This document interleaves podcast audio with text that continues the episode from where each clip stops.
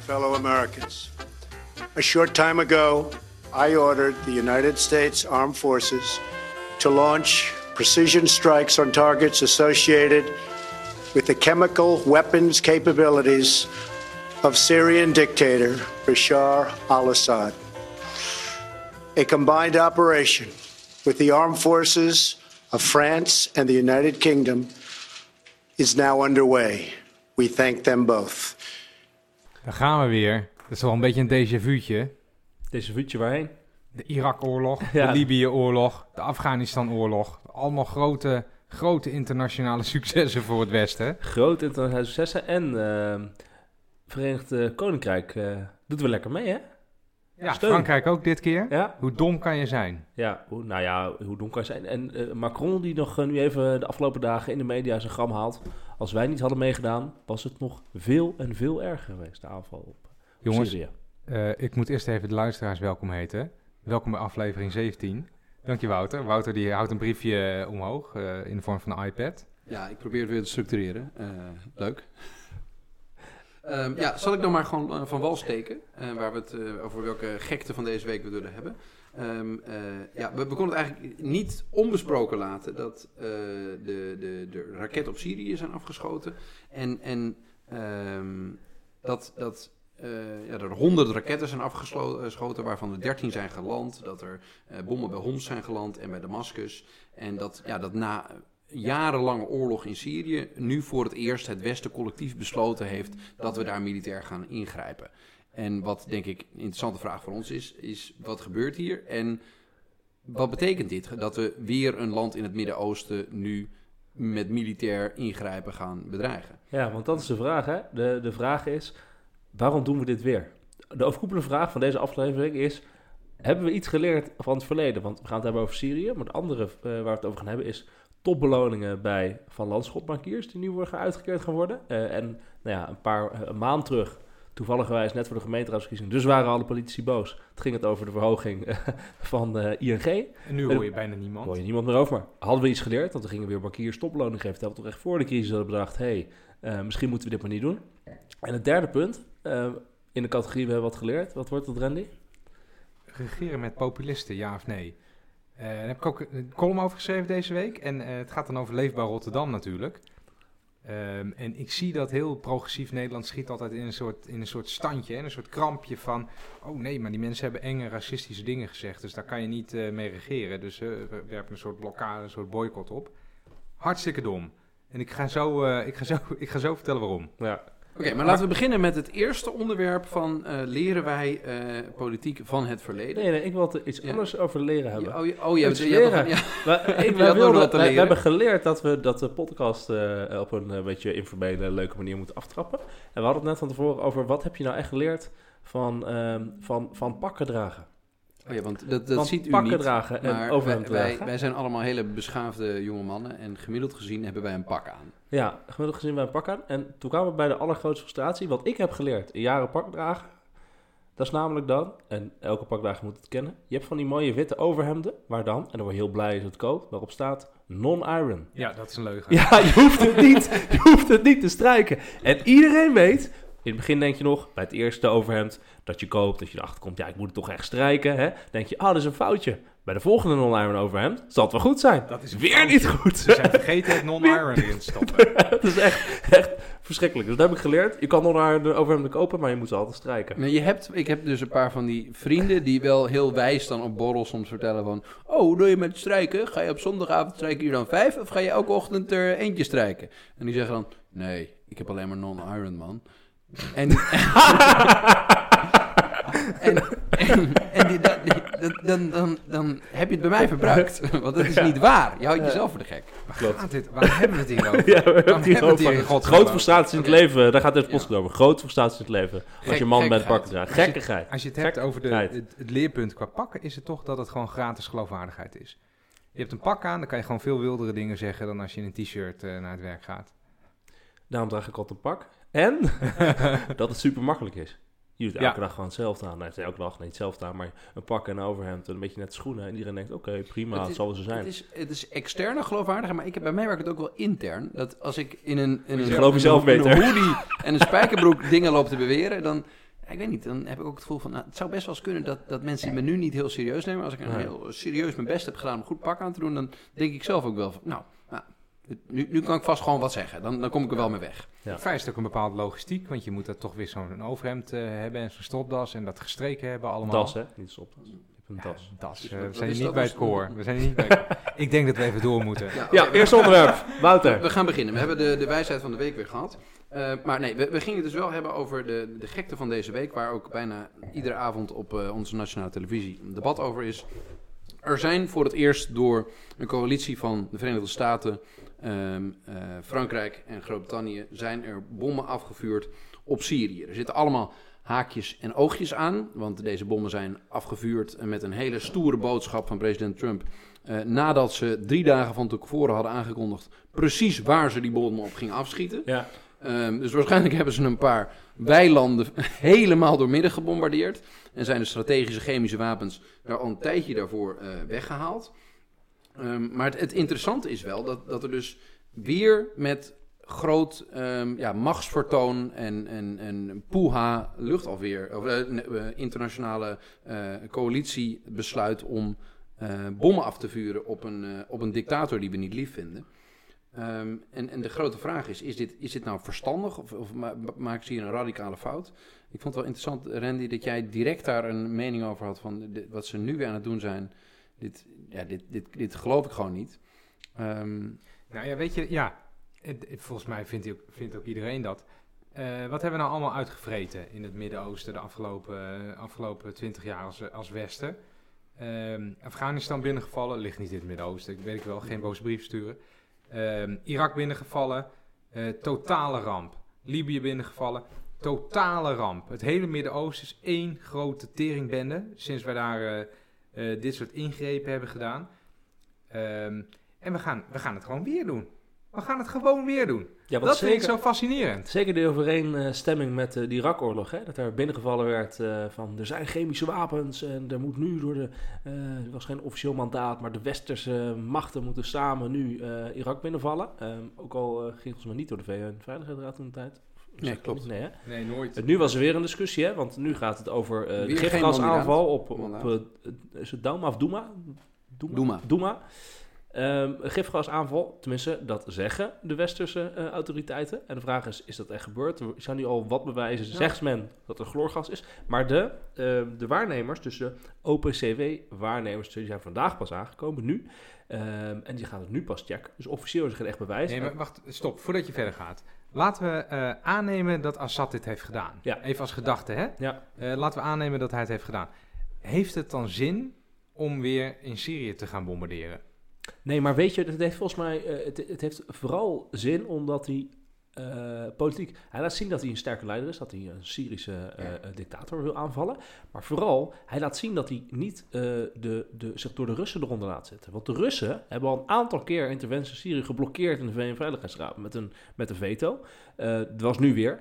Nu zegt hij gewoon, hop, ik schiet erop. En nu zijn ook weer de verhalen dat de Russen, dat die al bezig zijn om alle sporen van de gifgasaanval, om die weg te halen, omdat nu die Nou, weet je, maar dat, en dat het aller, nog één keer, één keer, het allermooiste wat je nu ziet, en dat zag ik de afgelopen dagen in Amerika, daar circuleren nu allemaal filmpjes van Barack Obama, die in 2017 en 2018, en ook trouwens eh eh, Kerry, toen Buitenlandse Zaken dus president, dat hij in 17 18 allemaal hebben gezegd, voor 100% er zijn geen chemische wapens meer in Syrië. Die heeft hij allemaal ingeleverd. En nu kan eh, eh, Trump kan zeggen, waren allemaal leugenaars, democraten, afgelopen jaren. En nu moet ik weer, omdat er toch chemische wapens zijn, die gebruikt eh, Assad, moet ik, moet ik nu schieten. Moet ik nu de krachtige leider zijn. Ik, Hoe, hoeveel landen in de wereld zijn er nou al gebombardeerd vanwege de Amerikaanse binnenlandse politiek?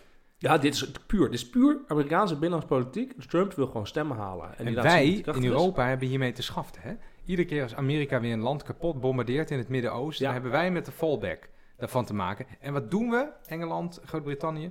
Wij staan erbij te applaudisseren en we doen mee. Ja, het is dezelfde alliantie. Je Of, belt eh, gewoon, sorry, Frankrijk Trump belt gewoon, eh, belt gewoon Macron op en die belt eh, Blair op. En die zegt, je zit Ja, er nu, hier, hier wou ik eh, wel even een, een theorietje over doen. Ik heb ooit, toen ik eh, geschiedenis studeerde, nog wel eens wat papertjes en boekjes eh, geschreven over de regime change. Dat wist ik helemaal niet, joh, dat jij geschiedenis hebt gestudeerd. Ja, ja, ja, je hebt ook mensen nodig die een beetje terugkijken af en toe. Ehm, maar wat, wat, je kan er eigenlijk op twee manieren naar kijken. Je kan een soort cynisch niet gedreven door wat er gebeurt in Syrië. Maar het is extern gedreven door eh, de interne politieke belangen in am- voornamelijk de Verenigde Staten en een klein beetje in die andere landen. En het momentum is nu gewoon dat ehm, intern politiek, zowel eh, qua steun voor Trump, zowel, zowel qua eh, positie innemen van Macron, zowel qua ehm, eh, de regeringsstabiliteit in Groot-Brittannië, is nu gewoon opportun om daar een beetje te gaan handje drukken. Dus dat Ja. moment is aangebroken. Dat zou een cynische blik zijn. Van het maakt eigenlijk heel weinig uit wat de situatie in Syrië is. Het maakt uit wat in, bij binnenlandse politiek opportun is. En daar is nu opportun geworden om in te grijpen. Andere kant van het verhaal, dus niet minder eh, cynisch zou kunnen zijn, dat er binnen het Westen al tijden een vertwijfeling bezig is van welke mate van ellende die je een volk aan kan doen, vinden wij nog draagbaar. En wanneer we de afgelopen jaren al ehm, inspecteurs daar naartoe gezonden hebben om waar te nemen in hoeverre de chemische wapenvoorziening eh, eh, verdwenen is in Syrië. En zelfs dat, dat er eh, wapeninspecteurs zijn geweest die geaccepteerd hebben van nou, dat, dat zal waarschijnlijk onderhand redelijk opgeruimd zijn. Maar er komen nu gewoon ontegenzeggelijke bewijzen binnen dat daar chemische aanvallen op de eigen bevolking worden aangevoerd, dan, dan trekken we het gewoon niet meer. En dan valt het electoraal nergens meer uit te leggen en ook ja, een soort van ethisch niet meer uit te leggen dat we niet iets doen. Dus dan hebben we nog niet een soort van panklare oplossing voor alles, maar we moeten gewoon nu iets doen. Ja, signaal. een signaal we moeten een signaal afgeven. Dus In Amerika is nu serieus een, een, een- wel klein, op kleine schaal, maar een debat aan de gang van... hey, eh, de schieten van raketten, dat stelt zo weinig voor. Het is een signaal, maar het is veel te weinig. We hebben mensen op de grond nodig daar in Syrië, want het gaat helemaal fout daar. dit- dat debat speelt precies. daar nu al. En Syrië gebruikt juist, Assad zegt juist, hey, we hebben raketten van de Amerikanen hebben we neergehaald.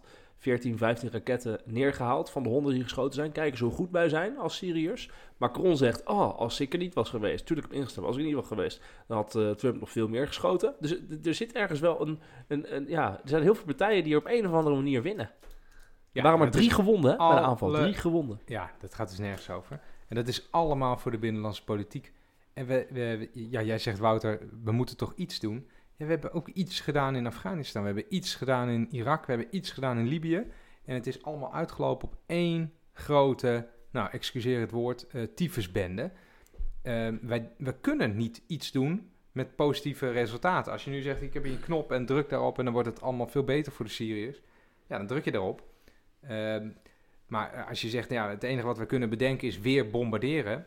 Dat heeft geen zin. En als je, als je ook maar één hersencel hebt, dan kan je inmiddels, eh, je hoeft geen groot deskundige te zijn van hè, buitenlandse geopolitiek. Dan zie je dat het iedere keer niet goed uitpakt. Eh, die gebombardeerde landen die volharden alleen maar in hun gedrag. Het wordt één grote bende. We hebben miljoenen vluchtelingen hier op de stoep. Als we zo doorgaan, dan, dan komen er nog 20 miljoen bij, denk ik. En het allemaal door een eh, aanval die wel geteld, afgelopen zaterdagnacht, 17 minuten duurde. Dat was een aanval van 17 minuten, 100 raketten. Ja, maar heel veel- heel veel hele mooie dingen duren maar heel kort, uh, Wieman. Ja, nee. Maar, hele eh, mooie dingen duren heel kort. Even, even het, het haakje zoeken naar de, de, de, het, het onderwerp van onze aflevering. Leren wij in ons, bij onze politieke ja, beslissers van het verleden? Eigenlijk zeggen jullie, er- er hier is gewoon een herhaling van zetten zich aan, aan, aan, aan het voordoen. De vraag is, hoe eh, leer je? Leer je eh, Mhm. met als doelstelling eh, de buitenlandse politiek? Heb je daar goede gevolgen? Dan leer je dus niet. Leer je, heeft het buitenlands, binnenlands, sorry, binnenlands misschien wel goede effecten politiek? Dan denk ik dat we hem best goed Ja, leren. ik zou nog wel eventjes terug willen grijpen naar volgens mij, ik denk podcast 2 of 3. Daar hebben we het ook over Trump. En toen heb ik nog gezegd, jongens, het enige waar ik echt bang voor ben met deze meneer daar in het Witte Huis, is de drang naar oorlog. Eh, Ja, en dat is dus Dat is- dat onterecht want- gebleken. De Verenigde Staten de- de heeft een, ehm, een periodieke verslaving aan oorlog. Dat heeft dat land. Ja. Ehm, en dat is het enige waar ik werkelijk bang voor ben. Wanneer er eh, achter de red button een, eh, Mafklapper ja, een, zit. een mafklapper zit die, die, die vrij eh, ontoerekeningsvatbaar is. Ja, dat is doodseng. Ik was daar ook bang voor, maar inmiddels eh, ben ik juist gerustgesteld eigenlijk. Want de gemiddelde Amerikaanse president begint inderdaad een oorlog. Maar ik denk dat Trump als een van de weinige eh, presidenten beseft, hij is ook een entertainer, hij beseft dat je niet echt een oorlog hoeft te beginnen eh, om dat effect te bewerkstelligen. Want we hebben nu wat raketten afgeschoten op wat weilanden in Syrië. Nou, prima. De volgende keer eh, zetten we het gewoon helemaal in zijn geheel in scène. Niks aan de hand, het Amerikaanse volk tevreden, binnenlandse politiek bevredigd. Veel makkelijker. Ja, en overigens moeten we even bij een melding maken dat onze premier eh, begrip kon opbrengen voor de actie van eh, de heer Trump. Want eh, de internationale gemeenschap kon dit niet over zijn kant laten gaan. Dat er waarschijnlijk met gifgas door de Syrische dictator eh, in Dat zijn toch ook, dat zijn toch ook de, de allerobligaatste opmerkingen. Die Ja, hebben je zag nul dat Blok- relevantie Blok was als, als minister Buitenlandse Zaken weer aan, helemaal aan het, aan het omturnen hè, van, dat eerste, van die eerste reactie op Rutte. Die was aan het zeggen van, ja, er is geen bewijs, dat kan eigenlijk niet. En, is interessant. Dus, Ja. dus we vinden dit een mooi voorbeeld van hoe we hier op dit gebied, buitenlandse politiek en, en ingrijpen en die, die bommen van deze week heel erg weinig geleerd hebben van het politieke verleden. Ja, volgens mij gaan we een bruggetje maken. Ja, leuk hè? Ja, ik, ik voelde hem. Ik voel Ik hem ook. voelde hem. Ik voelde hem. Ja. We gaan een bruggetje maken naar een ander aha-momentje van afgelopen week, maar eigenlijk ook een maand terug. Hebben we wat geleerd van deze crisis? Het gaat namelijk over, en er zit me heel veel voor aan te kijken, over bankiers.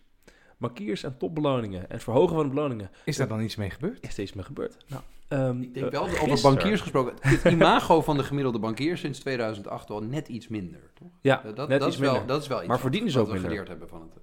Oké, dat vind ik een goede vraag. dat is goed, ik ben flauw idee. Ehm, maar eh, afgelopen week kwam het nieuws dat Van Landschot Bankiers, eh, de, de eigenlijk bank voor, voor rijke mensen, vermogensbeheerder, voor particulier volgens mij, die ehm, heeft eh, eh, het voorstel om eh, zijn bestuurders 20 tot 25 procent meer inkomen te laten krijgen. Ehm, en dan moet de, de, de, de algemene ledenvergadering moet daar op 31 Er is een algemene als ik goed zeg, ja, aandeelhouders. Die moeten daar op Aandeelhouders, 31, sorry, aandeelhouders, ik zei het niet goed. De vergadering moet, moet daar op 31 mei goedkeuring geven. En toen brak de hel los. Want eh, ja, je kan niet zomaar even de bankiersbeloningen eh, eh, verhogen. Vooral niet als je, volgens mij heeft Van Landschot een redelijk beperkte hoeveelheid vermogen die ze beleggen. Zeker vergeleken met ING. Als je boos wordt over de ING, moet je ook over Van Landschot boos worden. Het viel best wel mee. Het viel best wel mee. We waren eigenlijk niet zo enorm boos. Ja, eh, volgens mij was eh Ik heb de Partij van de Arbeid er wat over gehoord. Ja. Ik heb GroenLinks er niet eens over gehoord. Nee, terwijl de spoedwet die zo belangrijk was, eh, een, een maand terug, of dus zeg maar een maand voor de gemeenteraadsverkiezingen. Ik zeg niet dat dat enigszins verband met elkaar houdt, maar zou zomaar kunnen. Toen was Maar- het allemaal, dat was het huis te klein. Probeer je nou te mee. zeggen dat het electoraal opportunisme was? Nou, nee, dat probeer ik niet te zeggen. Ik probeer er alleen bewijzen voor aan te dragen. Het interessante is dat, dat onze, onze minister van Financiën, de heer Wopke Hoekstra, die toen de ING-beloning omhoog gingen eh, een aantal weken voor de gemeenteraadsverkiezingen. Toen eh, ging ik toen, eh, volgens mij ja, 50% omhoog de heer Hamers, want er was een internationale benchmark en dat was eindelijk tijd. Alle staatssteun was afbetaald en bla bla. Toen eh, was het van, oh, we moeten het tegenhouden en het kan niet. En we gaan nu een wet maken. En eh, die is al vanaf dat moment dat de, de ING eh, dat die het terugtrok, hè, want er was een hoorzitting met Jeroen van der Veer en de beloning werd ingetrokken, zei hij al van, oh ja, we kunnen eigenlijk die bonussen, die topbeloning niet tegenhouden. Maar ik ben best bereid om te gaan kijken of je misschien bij staatssteun gekregen banken, of je daar dan de beloningen niet terug kan halen als ze staatssteun krijgen. Ik wil ook best kijken of je niet een beloning is- alleen maar in aandelenpakketten voor de lange termijn mag zetten. Als het al mis is Ja. gegaan, dan gaan we Ja, en terughalen. het gaat allemaal rustig, rustig. En het is, Wop Koekstra is dus een boodschap al aan het downplayen. En wat hij nu zegt, is eh, dat hij dus volgens mij vandaag bij RTL Z, en zo'n wekelijkse interviewminister eh, van Financiën, zei die... RTL Z, mooi medium. RTL Z, heel mooi medium. Je kan ook een column schrijven. Volgens als je die dan gedeeld worden, zie je het niet. Maar het is wel leuk als ze worden. schrijft columns voor RTL Z. eh, is goed om te weten. En ehm Wop Koeka zei nu, dus van Landschot, terwijl die maand geleden dus ontplofte bij ING. ehm, dit draagt niet bij aan het vertrouwen in de sector. Ehm, van Landschot zou een maatschappelijk gedragen beloningsbeleid moeten voeren. En hij waarschuwt dat hij bezig is met een eh, wet om eh, beloningen in de bankensector aan te pakken. Lekker, Maar- lekker ja, rustig, toch? Mag ik even Lekker rustig. Waar, waarom kunnen wij ons hier heel druk over maken wanneer een, een volledig eh, in private handen zijnde bank met aandeelhouders besluit dat het verstandig is om zijn eh, eh, bestuur of raad van bestuur eh, wat meer te gaan betalen? Ja. Bij ING, dat is, Als dat eerlijk ben, grotendeels eh, door staatssteun klap. omhoog gehouden. Als het maar zo is dat de mensen die een beetje onder in die bank werken, dat die Mhm. er ook 20 tot 25% bij krijgen. En dat is het vreemde wat hier dus altijd gebeurt. De mensen aan de top die krijgen er nee, 50% bij, 25% bij. En dat zijn de mensen die beslissen dat aan de onderkant van een bankbedrijf... dat daar maar 1, 2% erbij kan, want anders gaat het bedrijf failliet. Dat zou echt niet moeten kunnen. Maar zelf kunnen ze er een miljoen bij krijgen. Dat vind ik toch best wel een... eh, eh, ja, Is- vind ik echt te is- ver gaan. Dat is een goed argument, inderdaad. eh, want dat laat zien dat, dat, hè, dat hun punt van we zijn privaat, een private onderneming, dus hè, laat maar binnenkomen dat geld, dat dat ongeldig is. Want niet iedereen deelt erin mee. Maar laten we even wel wezen. ehm, een bank zijn in Europa. Eh, wat betekent dat? Ehm, als het misgaat, dan word je gered.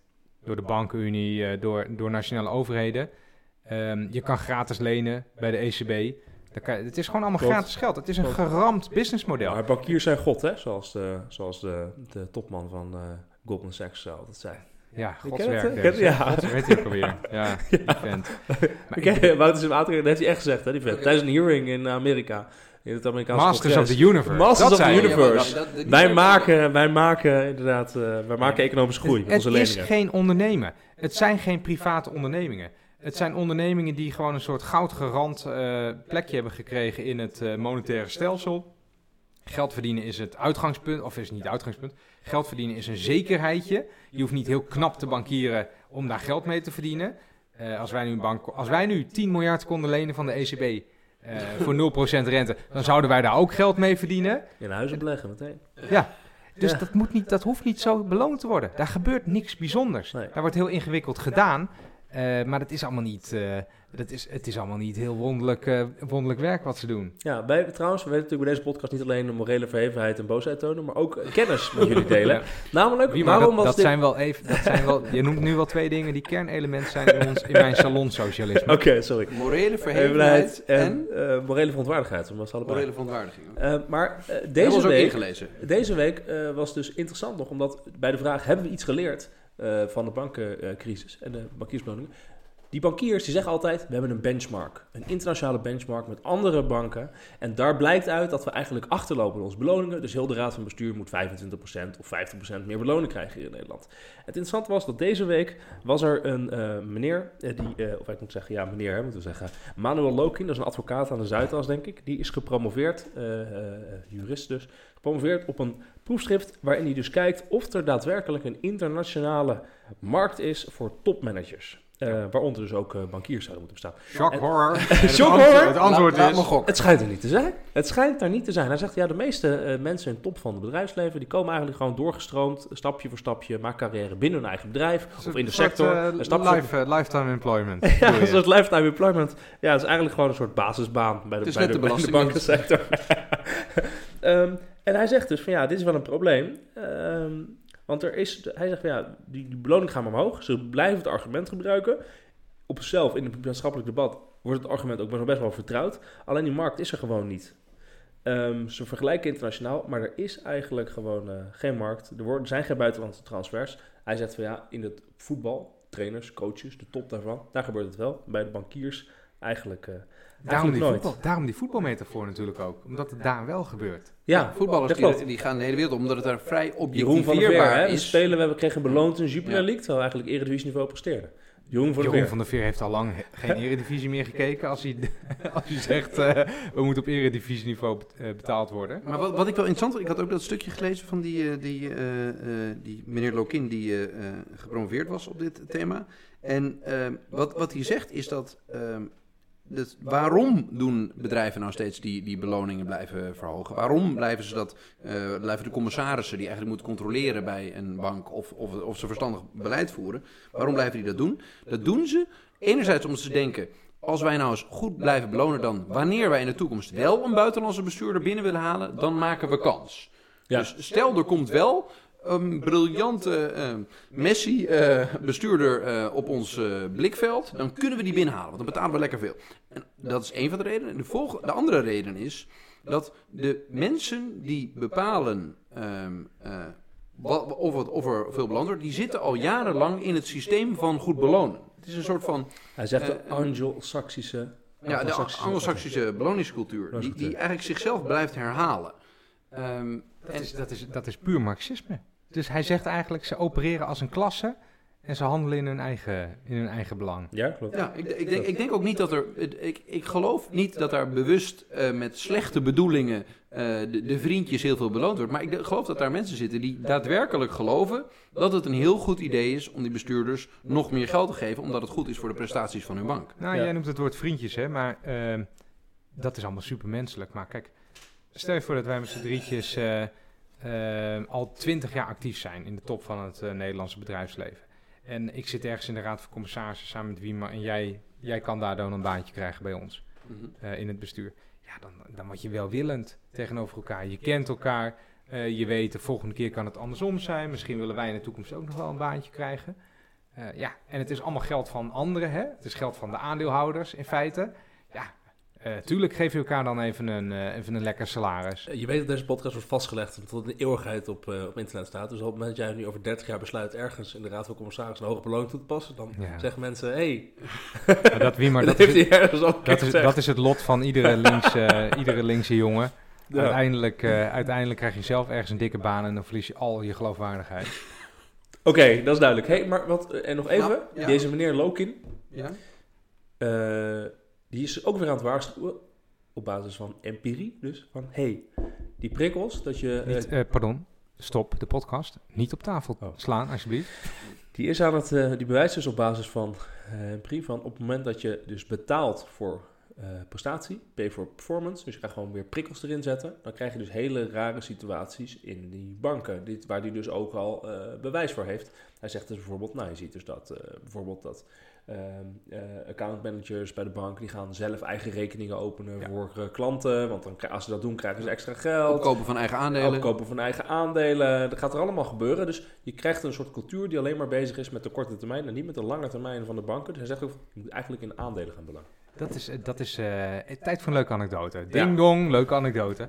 Dat is Goodhart's Law. En die zegt dat wanneer de maatstaf het doel wordt, dan houdt de maatstaf op een zinvol doel te zijn. Dus hè, als je mensen zegt, Kun je dit uitleggen zodat mensen zoals ik het snappen? ja, als, je, als, jij, als ik bijvoorbeeld tegen jou zeg, eh, eh, je hebt een winkeltje en als ik zeg, nou als je zoveel, eh, als de deur zo vaak open gaat, hè, als proxy voor, er komen zoveel klanten ding dong, binnen, ding dong, ding Ja. dong, ding dong. Ja. dan krijg, jij, eh, krijg, je, krijg je knaken van mij. Nou, wat gaat er gebeuren? Dan gaat iemand de hele dag bij de deur staan, open, dicht, open, dicht.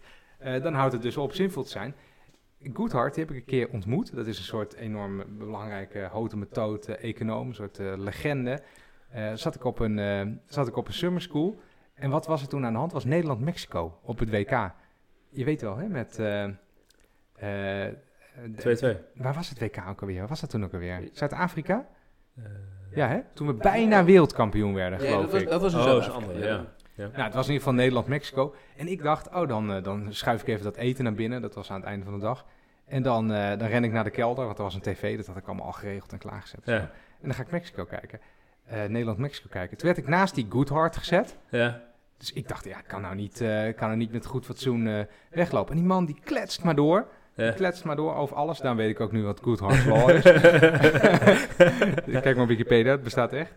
Eh, en die kletst me door en die kletst me door. En ik zie dan op mijn telefoon, eh, eh, stonden we 1-0 achter. Had Ja. ik al, hè, dus dan zit je een beetje te kijken natuurlijk. Op een gegeven moment wordt het 1-1. Eh, en toen op eindelijk zei die oh, ik ga naar bed, hè, bla bla. Ja. Ik ren naar die kelder, nog één minuut spelen of zo. Hè? Echt, ik gooi de deur open. Zit daar een van die andere deelnemers aan die summer school, een Mexicaan. Die zit daar op de bank. Ik doe die deur open. De bal wordt op de stip gelegd door de scheidsrechter. Penalty voor Nederland. 2-1, schiet hem in. Afgefloten, einde En wedstrijd. jij schreeuwt tegen die Mexicaan. En wij waren de enige twee mensen in die kelder. Ja. Nee, dat, dat gaat, ik zie jou een Dat heb beetje je gevecht leven of dood gehad. Wouter. Maar dit, eh, dit moest ik even vertellen. Is leuk, toch? ja, ja, Snap ik. Dit, dit zijn de Eh, anekdoten dus die je leven Ja, bepalen. dus hier leer je Dus, van, eh, je moet nooit eh, naast de heer, hoe heet die? Goed, eh Goodhart. Goodhart gaan zitten. En het tweede is, je, ja, we leren dus niet van de economische crisis en de bankenbeloningen.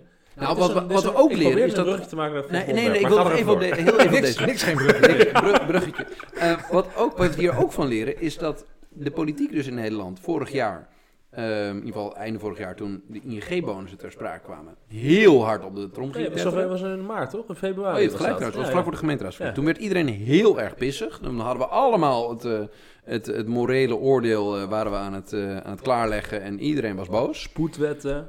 Spoedwetten, hoor, hoorzittingen, noem maar op. En die man werd Allemaal gewoon dus. publiekelijk eh, aan de schandpaal eh, genageld.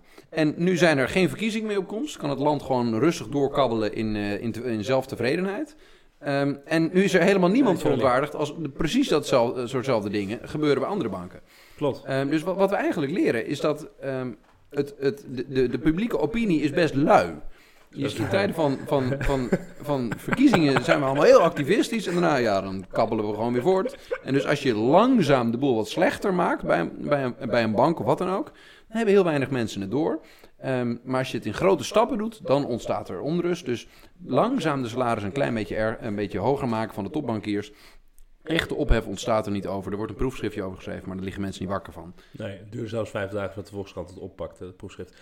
Eh, ik zit trouwens te lachen omdat naast jou nu een podcast eh, half in de microfoon gestopt wordt door Randy. Met het idee volgens mij dat hij wat gaat zeggen, of eh, is hij al weg? Nee, ik hoop dat het. hij even zou piepen. Dat, dat hoor- piepen. dat is, Dat is Charlie. dat is het enige stukje luisteraarsfeedback dat ik altijd krijg. Dat de podcast heel erg gewaardeerd, heel erg gewaardeerd Nou, wordt. Charlie, zeg eens wat, als gewoon weer op het grond. nee, hij is weg al. Oh, hij is weg. Oké, dan is dat een bruggetje Ja. Gaan we Ik brug Charlie. Ik wil iets vragen aan jullie. Ehm, Leefbaar Rotterdam. Ja. Leefbaar Rotterdam is aan de, in, in de, de coalitieonderhandelingen van de havenstad aan de zijlijn gezet. Mhm. Eh, en ik zie dat als de, de reactie op Leefbaar Rotterdam zie ik als exemplarisch voor hoe eh, progressief en links en redelijk, alles wat zich redelijk noemt in Nederland, eh, hoe die partijen omgaan met populistische partijen. Dus bijvoorbeeld de Partij van de Arbeid in Rotterdam zegt, ja, maar dat zijn toch zulke enge griezels die van Leefbaar Rotterdam, die hebben allemaal enge racistische dingen gezegd. En dat is ook zo. Eh, dus daar gaan we niet meer mee regeren. Maar Leefbaar, ik, mijn gevoel is, Leefbaar Rotterdam is verreweg de grootste partij. Het hele traditionele eh, Partij van de Arbeid electoraat stemt nu op die partij. Ja. En ja, ze zeggen wel eh, enge racistische dingen, maar ja, D66 zegt ook wel eens linkse dingen. En dat is ook niet, dat menen ze ook niet. Dus wordt het, ja, ik maak even wat grapjes, maar is het niet gewoon een beetje onzin om Leefbaar Rotterdam uit te sluiten? Is het niet veel slimmer om te zeggen, jongens, eh, laten we even ophouden met die gekkigheid. Laten we gewoon even samen op een normale manier deze stad, eh, eh, deze Ja, stad ja, besturen. Ik, ik denk hier, hier leren, dus is het weer de vraag of er geleerd wordt van het verleden. En hi- hier zitten al die, die weldenkende, beschaafde partijen, die hebben, zitten op een soort tweesprong. Want de vraag is, is dat Leefbaar Rotterdam een tijdelijke populistische opleving? Of are they here to stay?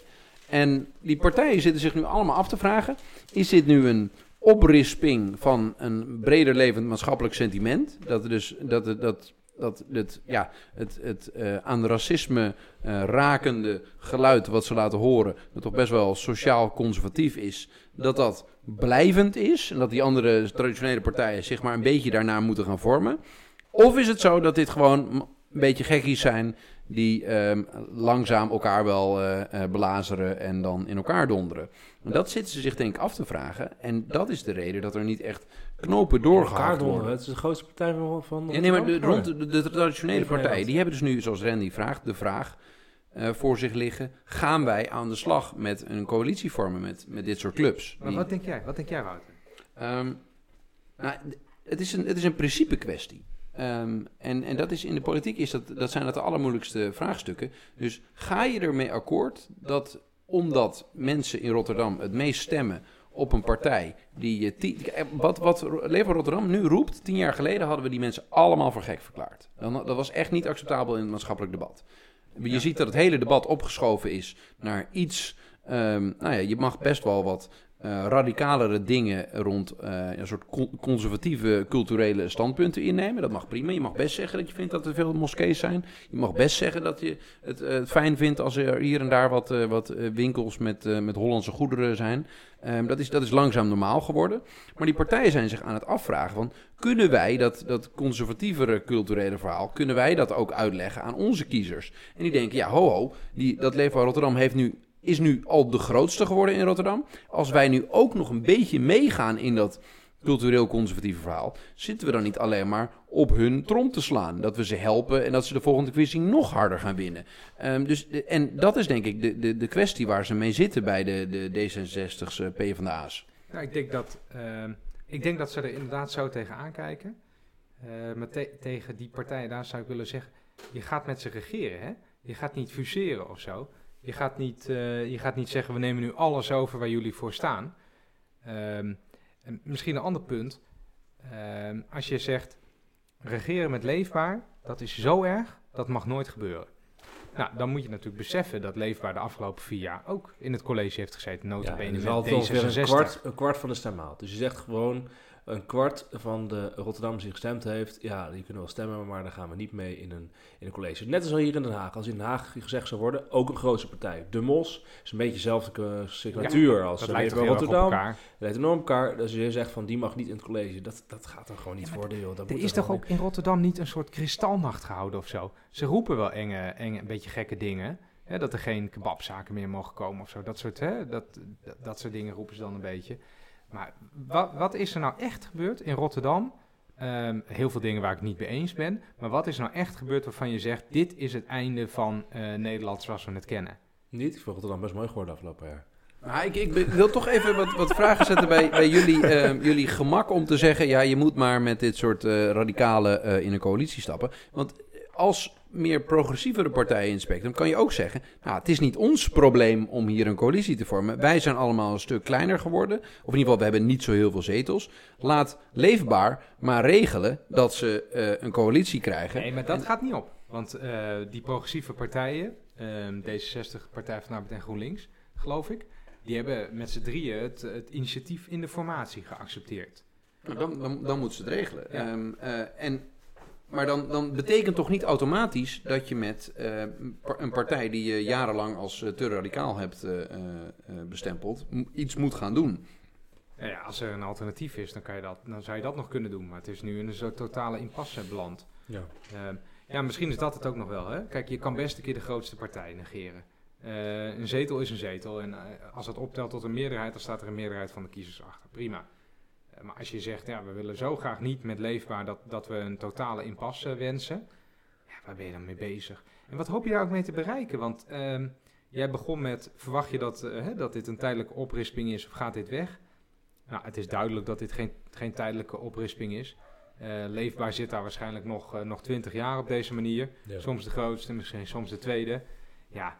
Eh, Ah, dat, dat, dat weet ik nog zo net niet, maar ik ben wel... ehm, eh, Maar in ieder geval dit soort partijen. Ik bedoel, van, kijk, Ja. het- landelijk, als je, la- als je kijkt, heb je geleerd. Landelijk is natuurlijk ooit een keer eh, eh, geregeerd met de LPF. Nou, dat, dat lukt niet echt. Dat heeft volgens mij Nee. drie maanden Er is volgehouden. ooit een semi-regering met de PVV geweest, gewoon niet zo lekker. Ooit semi-regering met PVV gebeurd, duurde twee jaar. Alleen dit gaat allemaal om... Overigens, die stroming heeft zich wel gewoon voortgezet op landelijk niveau. Hè? Dus inderdaad, of in de LPF of in de PVV. Eigenlijk een beetje ook in de VVD. En misschien eh voor, ja, nu ook voor voor Democratie. Dat is gewoon een grote stroming, eh, dat conservatief eh, rechts. Maar dat is landelijk. Lokaal, joh, wat, kan je nou, wat moet je in hemelsnaam doen? Om je, je, je, je bent niet eens in staat als, als college van burgemeester en wethouders om je stad kapot te maken. Dat is, dat is niet eens mogelijk. Ik bedoel, van, het, is, het is ook een beetje besturen. Het valt ook, die Ah, Oké, ik laat ik maar even omdraaien. Wat, wat kan hier nou een De Mos hier, wat kan nou in hemelsnaam allemaal eh, kapot maken aan Den Haag? Of een, of een Joost Eerdmans in, in Rotterdam. Ik bedoel, je kunt dingen doen waar je het niet mee eens bent, maar het is niet, het is niet het einde van de wereld. Het is ook gewoon democratie. Het, is een, het zijn de grootste partijen in je Ja, stad. maar, maar jullie, jullie breien toch wel een klein beetje iets extra's aan het concept de- democratie vast. Wanneer je zegt dat die, die progressieve partijen, dat die ehm, eigenlijk de dingen die zij het belangrijkst vinden waar ze voor staan, voor gelijkwaardigheid, eh, openheid, transparantie, eh, rechtsstatelijkheid, dat partijen die daar heel weinig mee op hebben, dat ze het eigenlijk vanwege de perceptie die jullie hebben van wat democratie zou moeten betekenen, toch een coalitie zouden moeten vormen met deze clubs. Waarom zou je niet gewoon kunnen zeggen, nou, we hebben bepaalde normen rondom eh, gelijkwaardigheid, respect voor iedereen, eh, rechtsstatelijkheid. Die staan voor ons voorop. Eh, deze lui, die voldoen er niet aan, dus jammer, doen we niet. Ander punt. Kijk, ehm, stel dat je dat zou zeggen, inderdaad. Nou, wat moet je dan? Dan moet je met de VVD regeren. Die vinden ook wel dingen waar, waar ik het als linkse, linkspersoon niet mee eens ben. En dan weet ik niet wat ik, eh, wat ik erger vind. Ik ben het er allebei niet mee eens. Eh, als, als, hoe je kijkt, als je kijkt hoe zij tegen de economie aankijken. En, eh, Nee, veel dat klopt. tegen de en, ik, arbeidsmarkt. en kijk, en het lastige natuurlijk, eh, wat hier wel doorheen speelt, is, eh, voordat we gaan stoppen, de vraag van namelijk, bij zowel Groep de Mos in Den Haag als Leven Rotterdam in Rotterdam, zitten natuurlijk heel veel oud eh, linkse stemmers. Eh, dat de PvdA nu in die steden aan het droppen is, dat is gewoon één op één te vertalen. ja, dat electoraat zit nu bij die partijen. Ja, voor een groot schild zit daar. Natuurlijk zeggen mensen, oh jee, het komt ook door de moslimpartij. Maar het groot schild zit gewoon daar. Eh, dus de vraag is nu van, oké, eh, ga je dan zeg maar proberen je oude kiezer terug te winnen? En dat is, lijkt mij, dat je probeert daar eh, enigszins ook mee te gaan samenwerken. Want dat zijn je oude kiezers. Of zeg je, hé, hey, die oude kiezers, nou, daar moeten we eigenlijk niks mee hebben. Want ze zitten nu bij een partij waarvan we vinden dat ze discrimineren. Ehm, dus we gaan alleen nog voor de mensen die nu nog in onze achterban zitten. Ehm, ja, ik vind dat, maar een lastige vraag. Ja, daar red je het niet mee. Dan word je alleen maar Er kleiner, kleiner, kleiner. Ja, ik denk dat je nu wel de kern van het dilemma voor, voor de progressieve partijen te pakken hebt. Dat de, een groot gedeelte van het, van het, ja, eh, het middenklasse electoraat dat je ooit had, gewoon gebroken is met je, je, die, die prachtige waarden die ik net opnoemde, waar je, waar je nog voor staat. Nee, nee, nee, dat, dat is niet... Ik, ik vraag Nou, me dus gebroken, maar in ieder echt, geval... vraag me echt af en toe waar. Want hier, ik, ik ken de Haagse politiek een beetje. Ja, je hebt die Hier laatste stukje overgeschreven, Mos- toch? Nee, maar hier bij Groep de Mos in Den Haag. Die lijst is totaal gemaleerd, hè. Daar zitten Hindoestanen op, Turken op, Marokkanen op. Ehm, er zitten mensen, er zitten eh, homoseksuelen op, lesbiennes, eh, alles. Ehm, oudere, jongeren. Dus je, om dan te zeggen, nee, maar we vinden echt dat jullie eh, racistisch zijn bijna. Ja, dat is niet vol te houden. Dat is gewoon echt niet vol te houden. En dat stukje in de Volkskrant waar je het over hebt, dat komt ook tot stand juist omdat ik praat met mensen van Hindoestaanse eh, achtergrond die dit zeggen, Marokkaanse achtergrond, Turkse achtergrond, die allemaal zeggen: hey, we stoppen met de PvdA, we willen eigenlijk naar, eh, naar dit soort partijen toe. Want we zijn eigenlijk wel wat conservatiever dat de PvdA zich opstelt. Ehm, dus ik, ik vind dit een, een hele lastige. Dus, dus eigenlijk zeg je misschien wel, mensen leren wel redelijk van de geschiedenis, maar die politieke partijen zijn, leren een beetje langzaam. Wat een goede conclusie van het einde. Mensen leren wel van de geschiedenis, maar politici niet. Wauw. Mooi jongens. Ik denk dat, het, eh, dat dit inderdaad het, eh, het, het niet, niet zo natuurlijke, maar volkomen geforceerde einde van de... Ja, politici leren donders langzaam. Ja.